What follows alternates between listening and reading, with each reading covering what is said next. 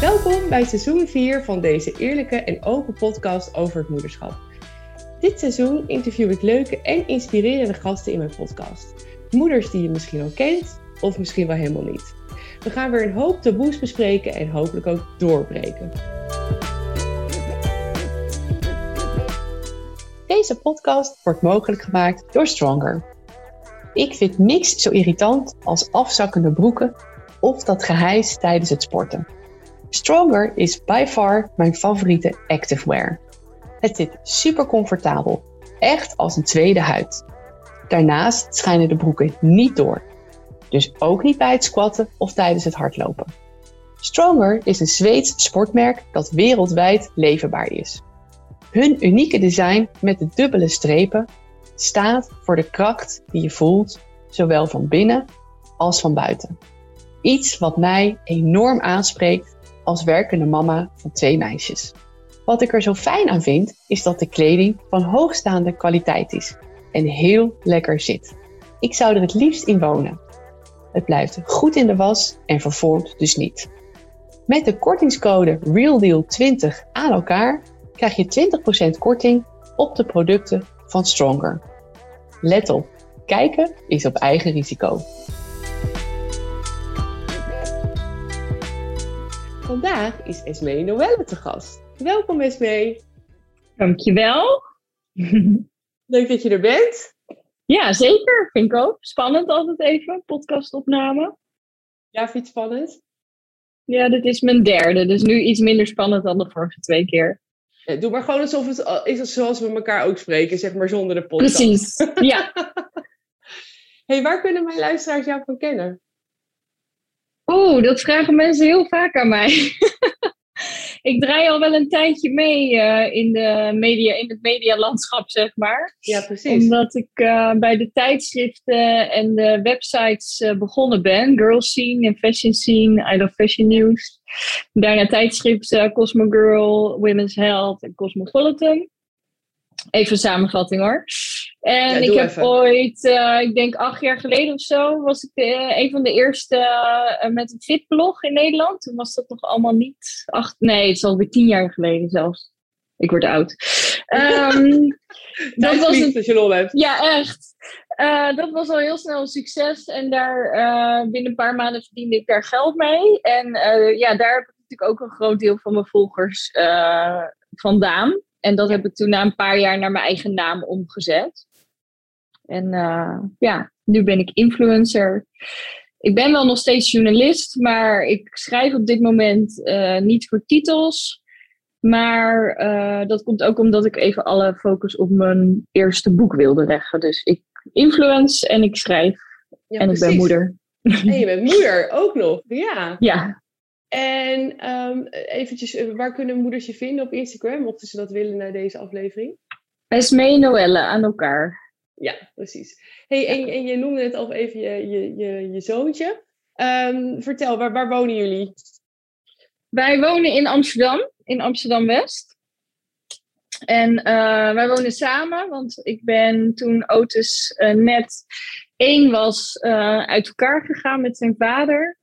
En uh, wij vormen een co-ouderschap. Dus Otis woont vier dagen bij mij en drie uh, woont hij bij zijn vader. Ja. Hoe vind je dat? Hoe gaat dat tot nu toe? Uh, nu heel erg goed. Uh, het is natuurlijk heel verdrietig geweest. Het was niet mijn keuze om uit elkaar te gaan. Nee. dus dat is natuurlijk sowieso heel verdrietig. Dat is ook de reden dat ik het, het boek schrijf. Omdat ik niet de enige ben die zoiets meemaakt. Nee, er zijn natuurlijk heel veel co-ouderschappen of alleenstaande ouders in Nederland. En uh, dus er zijn ook heel veel gebroken harten. Niet alleen in Nederland trouwens. Nee, um, ja, en ik had wel heel graag daar uh, wat meer over gelezen. Of weer, uh, wat meer een houvast gewild in die tijd. Um, ik ben echt. Bedoel je? Ja, ik ben echt rock bottom gegaan. En ehm, dacht echt dat het nooit meer goed zou komen met mij. Wat bedoel je met rock bottom? Kun je dat een beetje toelichten? Nou, uh, maandenlang at ik bijna niet. Uh, ik viel heel veel af, uiteraard. Ik had geen energie. Ik dacht dat ik depressief was. Um, ja, wel, ja, gewoon het leven niet meer zien zitten, eigenlijk. Uh, puur van een gebroken hart. Ja. En Otis heeft uiteraard me wel kracht gegeven om er doorheen te gaan. Maar ja, zelfs voor hem zorgen was wel een hele moeilijke taak. Als je niet goed uh, voor jezelf kan zorgen, dan kan je ook niet zo goed voor, voor een kindje zorgen. Ja, dat herken ik wel. Ja, ja. Toen, ik, toen ik zelf in die postpartum depressie zat, toen dacht ik ook echt van... Maar ik kan mezelf al amper uit bed hijsen. Hoe moet ik nou voor ja. een baby zorgen? Ja, mijn moeder heeft me echt wel meerdere keren dat, ik haar, dat ze me ochtends belde om te checken uh, hoe het met mij was. Mijn moeder woont wel op afstand. En um, dat ik zei, ik weet, ik hoor dat Otis wakker is. Hij sliep toen nog in een ledikantje. Uh, maar ik weet even niet, uh, ik kon er gewoon niet uit mijn bed komen überhaupt. Dus dan zei mijn moeder echt, oké, okay, één been uit bed, andere been uit bed, gewoon opstaan. Denk, eventjes gedachteloos je fles maken, haal hem in zijn slaapzak eruit. En daarna zie je wel weer uh, hoe je de dag. Ja, neem het maar even uur voor uur, stap voor stap. Wat een goed advies van je moeder. Ja, dat hielp wel. Ja, ja.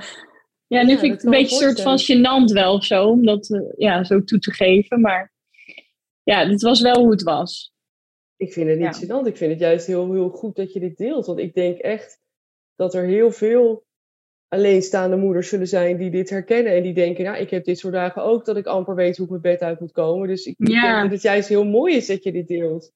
Ja, ja toch voelt het dan, ja, op dat moment, uh, ja, voelt het natuurlijk wel als falen. En ik vind het wel zonde dat ik die tijd van de auto's, ja, natuurlijk niet heel erg bewust heb meegemaakt. Uh. Ja, dat snap ik zo goed. Ik heb dat nog ja. steeds wel eens. Dan kijk ik naar foto's van die babytijd en dan denk ik, ik kan me ja. er geen snars van herinneren. Nee, nee. Nee, dat herken ik wel. Maar dat herken ik ook wel uit de tijd dat ik nog wel met zijn vader samen was. Uh, ja, was ik ook echt niet gelukkig. En uh, daardoor heb ik ook niet echt kunnen genieten. En als ik nu foto's terugzie en ook mezelf op die foto's zie, dan mis ik gewoon de sparkle in mijn ogen. En ook ja. vreemden ziende, altijd mensen die mij nog niet kenden toen. Die zeggen echt, ben jij dat? Het is, ja. ik lijk gewoon echt een ander mens. Zo ik voel me nu ook gelukkig een ander mens. ja. ja. Wat, wat, maakte dan dat je toen die sparkle miste, denk je, nu achteraf gezien?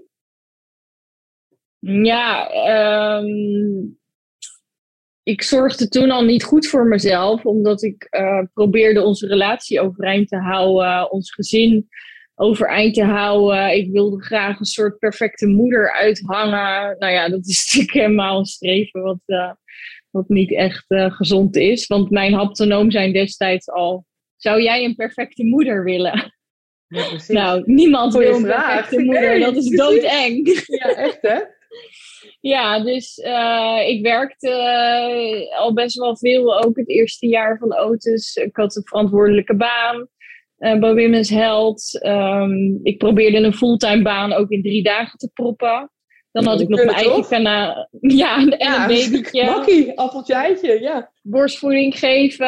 Ja, als ik terugdenk, denk ik, ja, ik zat er gewoon niet lekker in. En tuurlijk had ik misschien zelf eerder die relatie moeten beëindigen, maar die kracht had ik niet. En ja, wie gaat er nou weg, dacht ik bij, uh, als je een klein babytje hebt, dat doe je toch niet?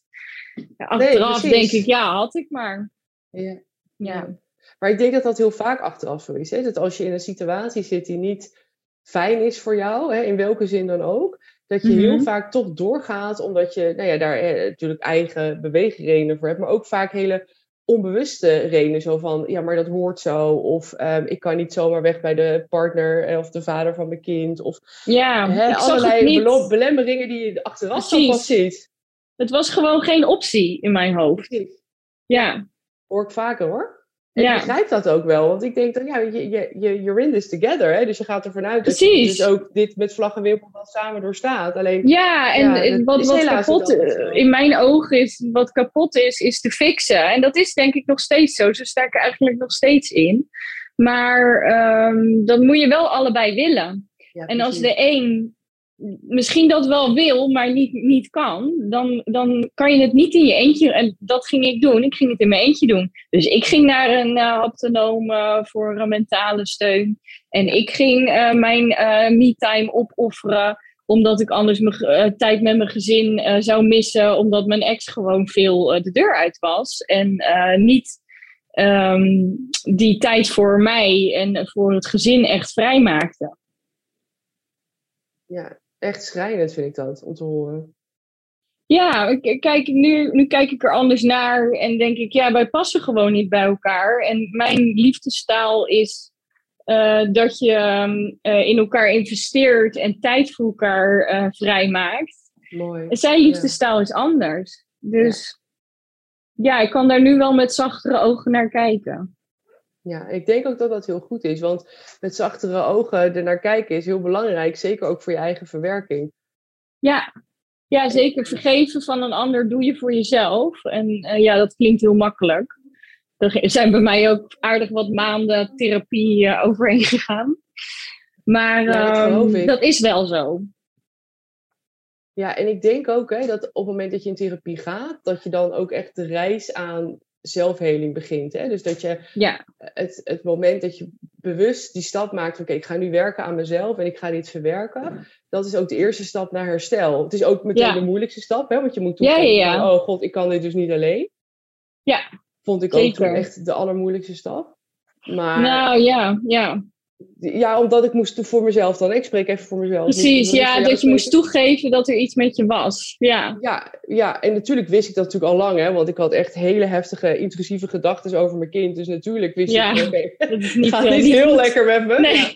Maar toch, om dat toe te geven, dat, dat heeft zelfs nog echt nog echt, weet ik hoeveel sessies geduurd. Ik denk wel vier, vijf sessies verder voordat Ja? ik uiteindelijk aan die psycholoog durfde te vertellen. Ja. Oh ja, ja, dat is bij een gebroken hart denk ik anders, want dat is natuurlijk zichtbaarder. En Ja, eh, ik kwam echt bij die haptonoom daarna terecht en ik was echt van, help me, eh, doe iets, want ik kan niet meer.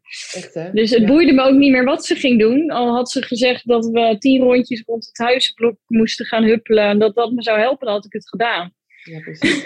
zo, maar je bent ook zo kwetsbaar hè, op zo'n moment. Ja, ja. Ik denk een gebroken hart, tenminste vind ik zelf, dat als ik van, hè, want ik ben nu heel gelukkig getrouwd, maar dat maakt natuurlijk heel veel relaties voor Tim waarvan dat bij mij dat ook niet het geval was. Mhm, Ik vond een gebroken hart zo intens heftig qua verdriet. mhm. Dat zal ongetwijfeld ook met mijn hoogsensitiviteit te maken hebben hoor. Maar Ja, dat ik dan- zeker.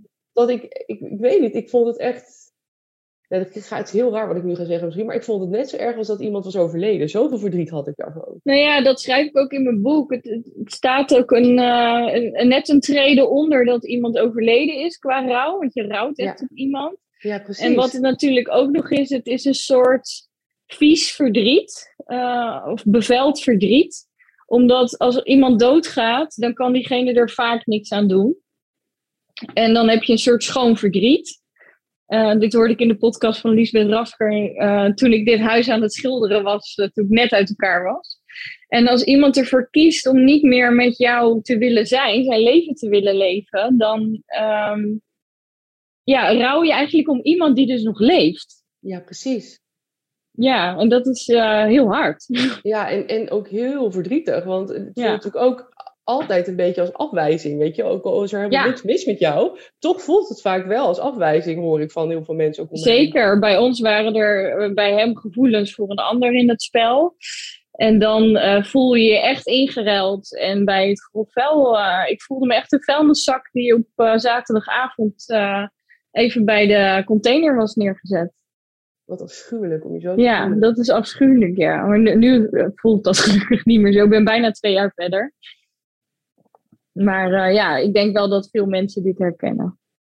Ja, dat weet ik wel zeker. En ik, ik, ik, ja, ik, ik ken jou natuurlijk ook naast dat we deze podcast opnemen privé. En ik heb het van de zijlijn meegemaakt. En ik kan echt Ja. alleen maar zeggen hoeveel respect en bewondering ik heb voor jou. Hoe je dit hebt doorstaan, hebt, hebt, hebt, hebt aangegaan. En hoe je het met auto's doet. En ja, dat, het, het, het, het co-ouderschap. Ik echt petje af, is mee, serieus. Ja, heel lief, ja. Ja, ik ben ook heel blij dat ik het zo heb gedaan. En dat het eh, ja, ook echt zijn vruchten af heeft geworpen. Want ja, ik ben nu echt veel gelukkiger dan daarvoor. En ik heb nu weer die sparkle in mijn ogen. En ik vind mijn leven Zeker. leuker dan daarvoor. En eh, ik kan meer genieten van auto's. En ik heb ook eh, goed contact met mijn ex. Als co-ouders. En we komen Ja. gewoon bij elkaar over de vloer. Kijk, het, mijn beste vriend, ik weet niet of dat ooit nog erin zit. Ik sluit het niet uit, zou hartstikke fijn zijn, maar voor maar dat nu hoeft niet, niet. per se natuurlijk ook. Die druk heb ik niet, nee, Nee. maar eh, dat hoor je natuurlijk wel eens. Het is natuurlijk een soort ideaal beeld, maar nee, dat gaat me nog te ver. Maar ik kan wel gewoon, eh, wij komen wel gewoon bij elkaar ook op verjaardag of eh, we vieren Sinterklaas samen. En we hebben elke dag app-contact over auto's, en sturen elkaar foto's en overleggen met elkaar. En dat gaat gewoon zonder ruzie. En eh, mooi. in harmonie. En dat vind ik voor auto's wel echt heel erg eh, belangrijk. En voor mezelf trouwens ook. Ja, precies, voor jou ook Ja, inderdaad. voor mezelf Ja. ook. Ja. Hey, en wat zijn nou voor, voor jou de grootste uitdagingen als alleenstaande moeder? Ehm, ja, grootste uitdaging. Ja, dat je alles alleen moet doen natuurlijk. Maar ja, dat snap ik. Eh, ja, dat maakt het ook weer heel duidelijk of zo. Weet je, ik hoef nooit na te denken eh, wie dit keer auto's eten gaat maken, of wie zijn luier verschoont, of wie hem naar school brengt, want dat ben ik gewoon altijd. Precies. En eh, ja, ik vind het wel vermoeiend. Ik vind de dagen dat ik. Ik heb drie echte mama-dagen waarin ik helemaal tijd heb voor auto's. Dus dat is best wel veel. Vind ik. Ja, zeker. En dat heb ik heel bewust gedaan hoor. Dat wil ik ook zo houden totdat hij natuurlijk naar de, volgend jaar naar de basisschool gaat.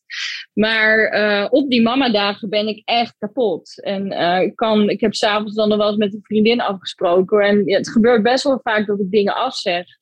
En gelukkig heb ik vrienden die dat begrijpen. Maar eh, ja, ik ben gewoon vaak heel erg moe. En snap ik. ehm Otis, is- hij slaapt gelukkig nog, smiddags. dus eh, ze slaapt voor de middagslaapjes. zo echt. Ik zie er nu al tegen op dat hij het eh, op een gegeven moment eh, af gaat bouwen. ja. Maar ja, ik slaap die nog steeds mee, want anders trek ik het gewoon niet. En ik heb inmiddels wel gewoon echt mijn draai gevonden, want ik kan niet op één dag en boodschappen doen en mijn huis schoonmaken en een gezonde maaltijd koken en nog quality time met mijn kind hebben. Niet? Nou, dat valt me wel een beetje tegen hoor. Ik niet. dus nee, ik heb Ik inmiddels wel, wel mijn draai. Nee, niemand niet, denk ik. Ik heb wel mijn draai gevonden als in eh, ik accepteer hulp. Ik heb eh, vorig jaar eh, even een oproep, maar een half uur gehad op Instagram. Met ik zoek leuke oppasmeiden in Amsterdam. Please, help mij. Nou, die moest ik na een half uur afhalen omdat ik zoveel reacties had. Dus ik heb Oh, drie goed. Drie eh, jonge meiden, studenten, die heel veel eh, in de stad oppassen en die dat ook leuk vinden, die eh, wisselen elkaar een beetje af. Zodat fijn. ik wat meer eh, ruimte voor mezelf heb. Terwijl ik heb natuurlijk als co-ouder best wel, ik heb drie dagen in de week waarin ik eh, kan doen wat ik wil. Eh, en even geen mama hoef te zijn. Dus dat is natuurlijk best wel veel. Zeker als ik naar vriendinnen kijk die wel nog samen zijn. Die zijn er wel eens jaloers op. Maar eh, ja, ik betaal daar wel een hoge prijs voor natuurlijk. Want in die vier dagen dat ik er wel alleen voor sta, eh, verbruik ik echt mijn batterijtje. Ja, hoor ik En, vaker eh, hoor. Ja, Dat is ook heel begrijpelijk, want je staat gewoon 24-7 aan, hè? Ja. überhaupt als moeder. Ja, maar als single moeder, ja, dan er is niemand die s'nachts het even voor je over kan nemen als je bijvoorbeeld Nee. je kindje ontroostbaar is. Of nee. er is niemand die, die jou even een complimentje geeft van, hey joh, wat doe je het goed of zo. Ik bedoel, ja, je, je baby eh, of je peuter, die zegt dat niet, weet je wel. Dus Nee. Allemaal uit jezelf halen. Lijkt Nee, ja, dat, ja, ingewikkeld. dat vergt ook inderdaad wel wat zelfvertrouwen. En eh, ja, ik verdiep me wel heel erg ook wel in opvoeding. En ik ga ook wel echt op mijn gevoel af. En ik ben druk bezig met familieopstelling en dat soort dingen. Waar ik ook weer heel veel van leer. Van hoe je ook onbewust ehm, ja, met je kind, zeg maar, eh, je, tot je kind moet verhouden. Goed. En ehm, ja, ik, ik overleg gelukkig wel met zijn vader. Hij heeft nu natuurlijk wel eens, eh, ja, het is gewoon een eh, tweejarige, bijna driejarige. Hij wordt volgende week drie. Ehm, die natuurlijk ook gewoon zijn struggles heeft met zijn emoties en niet Ja, weet joh. soms wat hij met zijn eigen woede of verdriet aan moet. En ja, ik ga geweldigend hè, voor die peuters. Ja, Ja, en ja, boos of vol gas blij. Het is heel, hij is heel erg, hij steekt heel filter. En dat kan ook heel erg wisselen, inderdaad, snel. En ehm, ja, dat, dat vind ik natuurlijk wel eens lastig eh, als ik eh, opgeladen ben en gewoon tijd heb. Weet je, dan kan ik prima holding the space voor hem. En uh, hem laten uitrazen en uh, zijn gevoelens benoemen en alles uh, volgens het zogeheten boekje doen. En dat werkt ook echt, merk ik. Maar ja, ik heb ook wel eens dat ik gewoon haast heb en dat hij naar de opvang moet, of dat ik een zakelijke afspraak heb, of een sportles die ik niet kan cancelen. En dan weer 10 euro boete moet betalen omdat ik hem oh mis. Ja, en dan loop ik ook wel eens met auto's huilend over straat. gewoon een dikke een half uur te laat voor de opvang en mijn sportles gemist ja, dat zijn wel de struggles natuurlijk. Ehm, maar ja, heb je die dan echt alleen als single mom? Ik denk dat je die altijd hebt. Ik steek bij deze mijn hand op. Ik heb deze struggles ook.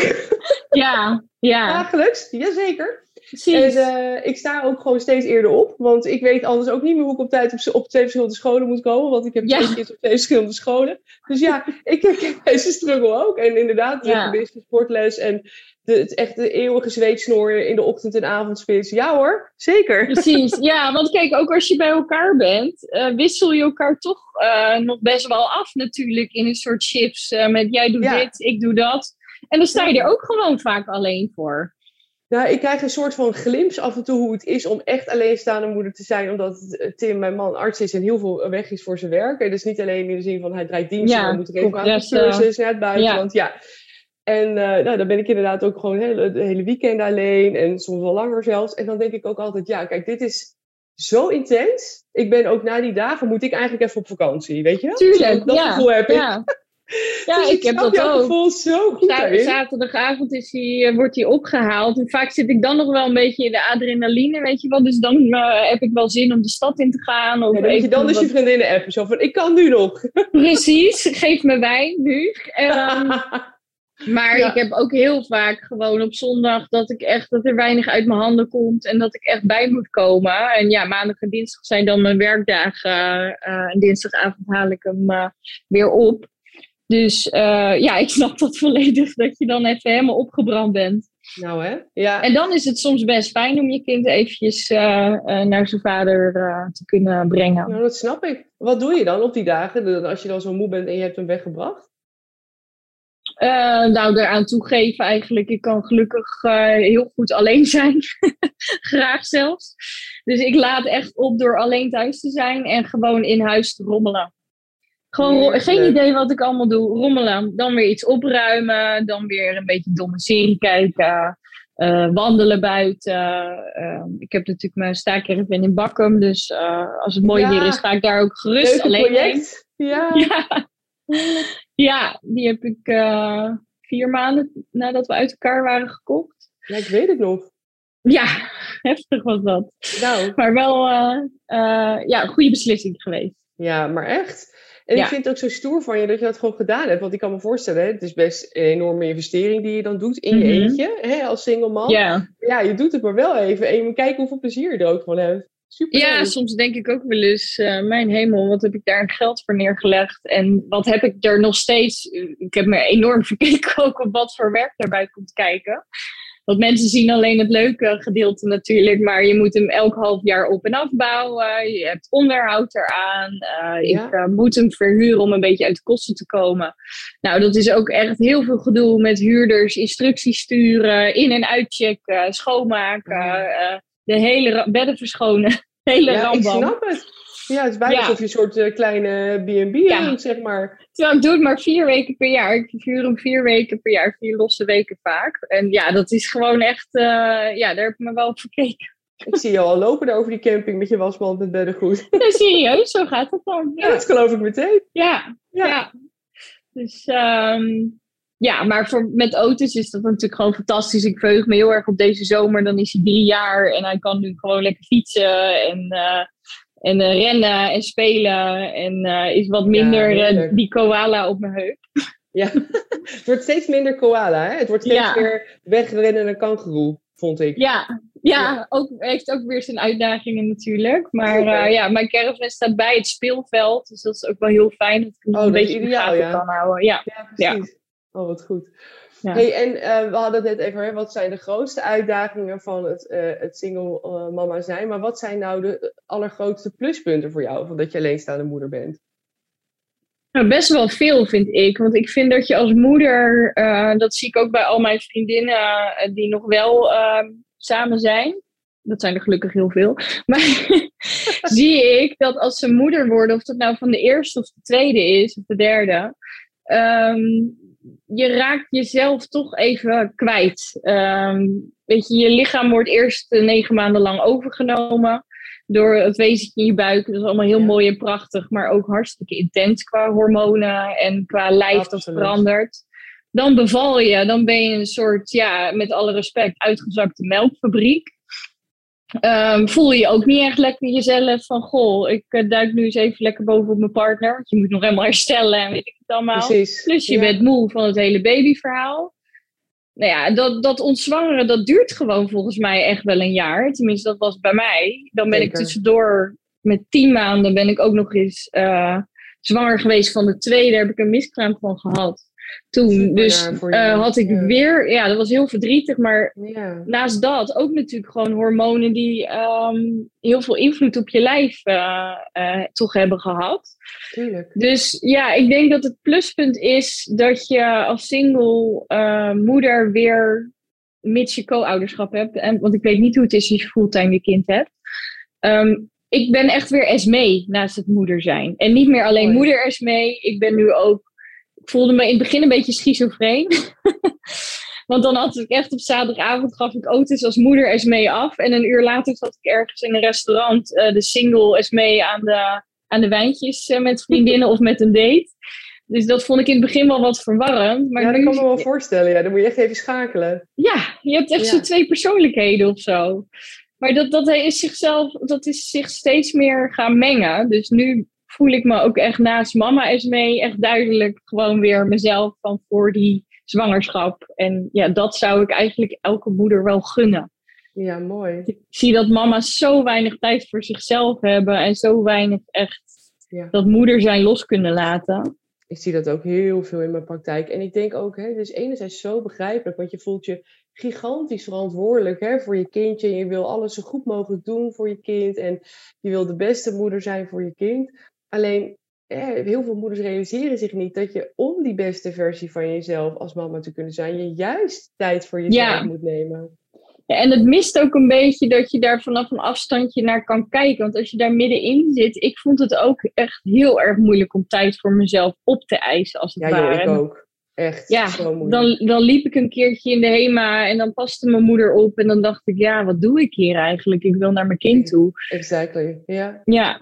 Herkenbaar. Ja, of dat ik dan, wat had ik heel erg, ik had heel veel angst dat haar dan iets zou overkomen. Dus als ik dan eindelijk zover was, dus bijvoorbeeld de eerste keer dat uh, onze oudste liefje uit logeren ging, heb ik die hele nacht niet geslapen, omdat ik alleen maar aan het, aan het doemdenken was en dacht, oh, en dan gebeurt er dit en dan gaat ze dood. Of dan gebeurt er dat en dan gaat ze dood. Dus bij elk scenario eindigde in de dood van mijn kind. Nou ja, dan ga je het allerergste. ja, dan ga je ook niet lekker slapen. Dus nee. de eerste logeerpartij vond ik hels. Het werd pas leuker toen ik het een paar keer had gedaan en dacht, oh, dus het gaat gewoon goed als ik er weg ben. Oh, oké.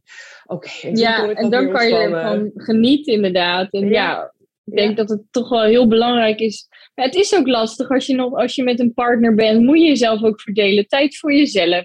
Uh, je wilt tijd met je vriendinnen, je wilt tijd met je partner, uh, je wil uh, sporten, je wil werken soms, niet altijd. je wil goede moeder zijn. Het is ook gewoon best wel veel. Nou, echt eigenlijk veel te veel, weet je wel. Dus ja. ik zeg wel eens tegen die moeders, weet je, je, hoeft niet altijd al die ballen hoog te houden. Je mag er ook gewoon een paar laten vallen, weet je. Is prima. Ja. Dat doen we allemaal namelijk. Ja, zeker. Maar ja, dat, dat is toch moeilijk of zo. En zeker dat eerste jaar, vind ik. Ik vind dat echt uh, ja, Welke moeilijk. bal uh, laat jij wel eens vallen? Uh, de rommel in huis, heel vaak. En dat kan ik ook, ja, dat is dan dus ook weer een pluspunt van co-ouderschap. Ik kan het ook makkelijker loslaten, omdat ik denk, oké, zaterdagavond als die weg is, dan maak ik me een kwartiertje kwaad hier in huis uh, en dan is alles opgeruimd. Ja, precies. En dat blijft dan ook drie dagen zo. Dat is ook wel Dat fijn. is lekker, hè? Ja, precies. Ja, dat is wel lekker. van je werk. Heerlijk, ja. Want ja, anders dan maak je je kinderen natuurlijk meteen meer rommel. Dus ja, die laat ik wel eens vallen. Ja, sporten laat ik natuurlijk ook wel eens vallen. Uh, mijn vriendinnen niet meer, moet ik zeggen. Die zie ik echt, uh, echt wel genoeg. En anders bellen we gewoon heel veel. Ja, precies. Um, ik heb ook weer een liefdesleven, een partner. Die laat ik ook niet uh, nou, vallen. Maar Ja, heel leuk. maar die heeft zelf ook een co-ouderschap, dus eh, dan snap je elkaar daarin ook heel goed. Ja, we um, elkaar denk ik ook heel goed aan. Ja, ja, en werk laat ik eigenlijk ook niet vallen, omdat ik gewoon heel duidelijk die drie dagen heb dat ik bereikbaar ben en dat ik werk, maandag, dinsdag, donderdag. Ja. En uh, dingen die op woensdag of vrijdag komen, ja, die moeten gewoon over het algemeen wachten. Ja, precies. Ja. ja. Nou, mooi hoor. Goed van je. Ja. Ik denk dat ik eh, qua ballen laten vallen, dat ik denk zeg maar koken en het huishouden het meest, denk ik. Oh ja? ja, zeker. Ja, ik vind koken gewoon sinds ik kinderen heb gewoon niet meer zo leuk. Ik vond vroeger nee. vond ik het enig, maar tegenwoordig zeggen ze bij alles, nou, dat is, dat is dat van groens? Ja, dat lust ik Oh ja. Nou, oh, dus je eet gewoon geen hap, niks. Oh ja, precies. Nou ja. Je probeert het ook niet. Liefja, die is inmiddels zeven, dat gaat inmiddels weer wat beter. Maar onze jongste, die is vier. Nou, ik weet het niet, maar het, de strijd der titanen wordt hier elke ja. avond geleverd. Aan ja, ja, ik heb dat opgegeten. Ja, dan vind je er wel s'nachts meer aan. En dan, nee, precies. En dan, en dan het huishouden denk ik altijd, ja, weet je, ik kan me er heel druk om maken, maar ik kan ook gewoon even lekker met een kopje thee op de bank gaan zitten. Ja. Even ja, nemen. Precies. Dus ja. Dat. Dus ja, ja dat, moet je ook doen. Zeker omdat jij die middagslaapjes niet, niet meer hebt. Maar jij hebt gelukkig dan weer de kids op school uh, zitten. Ja. Dat scheelt natuurlijk wel. Ja, en die jongste die is dan dus eigenlijk dus heel moe. Hè? Dan komt ze uit school en denkt ze echt, ja, ik ben heel moe, maar ik ga er niet aan toegeven. Nee. Nee, want slapen is echt. Ik ga nu en worden ze dan heel, heel druk of vervelend? Of, ja, en die uh... wordt wel uh, echt uh, ja, hyper de piep. Ja. ja. Dus uh, die probeer ik dan op een gegeven moment op, een op de bank onder een kleedje te leggen met een, met een filmpje aan, dat ze even kan ontprikkelen. En ja. dan gaat het meestal wel goed. Of naar de speeltuin echt nog meer uitrazen, zeg maar één ja. twee. Frisse lucht. Ja, dat helpt over het algemeen wel hè, bij kinderen. Of ze nou moe zijn, of uh, ja, even niet lekker in hun vel zitten, of gewoon even energie kwijt moeten. Bui naar buiten gaan helpt altijd wel. Ja, plus, en dat hebben ze allebei, ze zijn heel erg sensitief voor prikkels. Dus als ze uit school komen, zijn ze gewoon echt op. Ik, ik bestook ze dus ook niet met allemaal vragen van, nee. wat heb je gedaan en dit en dat. Dat, dat komt meestal pas met het avondeten. Ja. Zijn ze daar een beetje aan toe. Ja, en je, als je ons er toch niet gegeten wordt, dan weet je, dan praten we gewoon over je dag. Precies, ook goed. Ja, want ze blijven dan wel natuurlijk gewoon aan tafel zitten. Zeker. Dat uh, is wel een regel, ja. ja.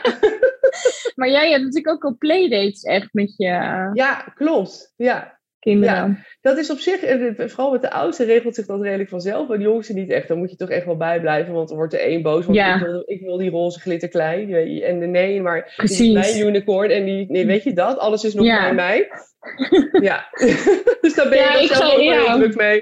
Ik begin me daar langzaam mentaal op voor te bereiden. Omdat uh, nu zijn derde verjaardag natuurlijk bijna is. Dan denk ik, jezus, mijn, mijn, laatste jaar met hem echt ja, volle bak bij, mij, uh, bij ons thuis. En ja. Uh, ja, daar wil ik echt wel ook heel bewust van gaan genieten. Dus ik ben ook echt vorige heel week goed. voor het eerst gaan zwemmen met hem. En ja, ik denk ik wil dat gewoon uh, doen. Want straks is hij inderdaad gewoon moe van school. Of dan, dan wil hij met een vriendje of vriendinnetje spelen. Ja, precies. En dan is het geen, uh, niet meer constant mama. Nee, precies. Nee, ja, als het ooit zover is en je wilt tips, je weet waar ik Ja, dan weet ik je te vinden. Maar ik vond dat laatste jaar ook, ik heb daar heel, heel, heel bewust afscheid van genomen. Omdat ik wist, oké, okay, Emmy is de laatste. Er komt hier geen baby meer. Dus ik, ik heb toen ook zo genoten van de dinsdagen waren dan mijn mama dagen elke keer op dinsdag dan gewoon, eh, dus als er dus geen lockdown was, gingen we naar de dierentuin of lekker samen ergens een taartje eten. Weet je, echt enorm genieten van het feit dat je dus gewoon nog even met z'n tweeën. Ja, leuk. Even die één op één tijd. Ja. Zo belangrijk. dat wil ik ook echt uh, dit jaar uh, ja, er nog even vol van nemen. Leuk.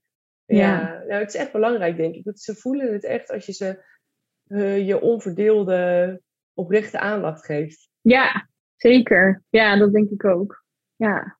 Hey, en je zei net helemaal aan het begin, ik ben een boek aan het schrijven. Wat vertel even wat meer over je boek. Ja, dat gaat over uh, ja, het hele van uh, mijn hart eigenlijk. Uh, dat dat natuurlijk zo gebroken was. En um, dat ik dat moest helen. Terwijl ik ook nog een co-ouderschap moest vormen. Dat vond ik heel heftig. Uh, nou, snap ik. Dat degene die je hart heeft gebroken nog twee keer in de week bij je aanbelt. Dat, uh, dat idee. Ja, terwijl ik liefst denk, ik doe nooit meer open. Ja, ik wilde hem toen eigenlijk gewoon nooit meer spreken. Maar ja, die, uh, dat gaat natuurlijk gewoon niet. Dus dat vond ik heel benauwend. En ja, wat jij net ook zei, de rouw, liefdesverdriet is gewoon echt een heel erg intens proces.